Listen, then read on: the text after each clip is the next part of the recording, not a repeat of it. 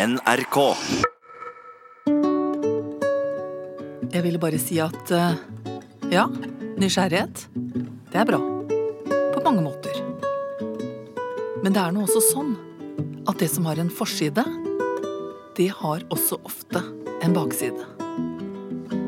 Denne lille historien kan minne oss på at det fins grenser. Kraft. Kraft.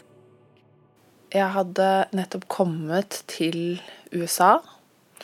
Um, jeg var 17 år og skulle være der et helt år. Anne Dorte er voksen nå, men hun gjorde som mange andre på videregående. Hun dro på utveksling til USA. Jeg hadde jo ikke reist så mye før i det hele tatt, og jeg hadde i hvert fall ikke reist alene. Og det var jo sommerferie fortsatt når vi kom, og det var liksom en del av planen at vi skulle komme litt før skolen starta og bli kjent med familien vår og eh, med nærområdet. Eh, så de første ukene så var vi mye rundt bare i eh, i byen, da. Og det her er i Buffalo. Og vi bodde da i den gata som var aller breiest av alle, som het Lincoln Park Avenue. Og det var varmt og sommer, og det var mye parker og trær og sånn. Og vi gikk veldig mye rundt. Og så husker jeg at det var en sånn sommerdag hvor da uh, Ja, vi gikk under de her høye trærne, da. I det her bolig, rolige, liksom døde. Og det var jo litt kjedelig også, ikke sant. boligstrøket, og skolen hadde ikke starta ennå. Vi kjente ingen.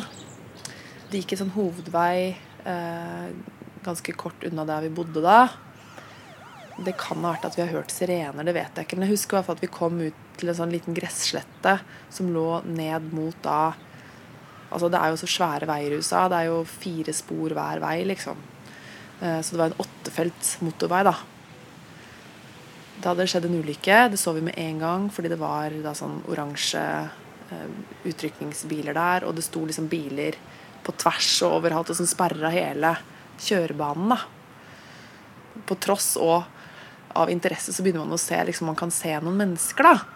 Og Jeg begynte vel, jeg, jeg skanna vel på en måte kanskje bare området for å se liksom var det noe var det noen mennesker der. Kunne man se at noen var skada? Det var jo da en sånn gresslette mellom der vi sto, og veien. Og hvis vi skulle ha sett bedre, så måtte vi ha gått nærmere. Jeg ble liksom stående under de trærne og gikk ikke nærmere for å se hva som hadde skjedd. Og en del av meg hadde nok lyst til det. Og på begge sider av denne gressletta ned mot veien så var det hus.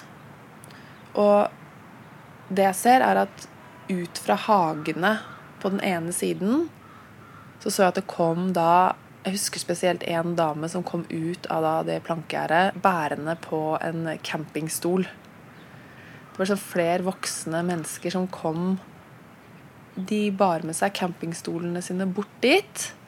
Og så satte de seg på rekke. Og så så de ned på veien. På den ulykken som hadde vært der. Husker det som at de satt på rad og rekke, som om de var på kino. Jeg tror det var fire stykker. Det var liksom ingen ærbødig stemning. Og det la jeg merke til.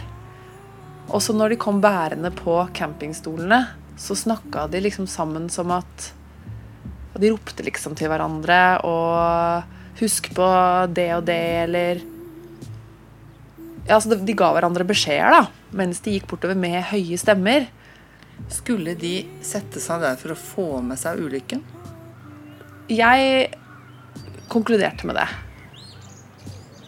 og at voksne folk satte seg til, rigga seg til for å se på en trafikkulykke. Altså, jeg var jo også nysgjerrig.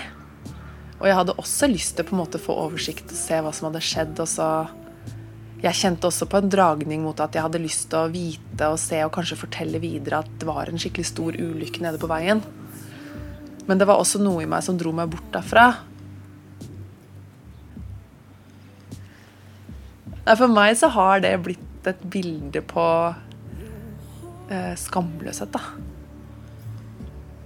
Vi har jo lyst til å se. Jeg tenker at det er eh, et menneskelig instinkt jeg tenker at alle har nok de impulsene, at det er ganske menneskelig. Eh, men så har vi også en skam i oss som gjør at eh, de fleste av oss ville ikke liksom stått og hengt over gjerdet og gått og kikka inn i vinduene, liksom. Eller rigga seg til. Eller rigga seg til.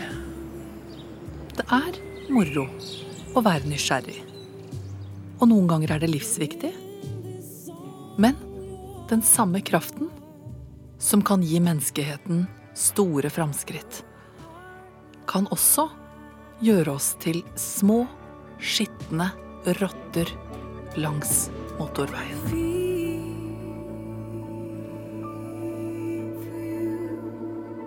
Kraft.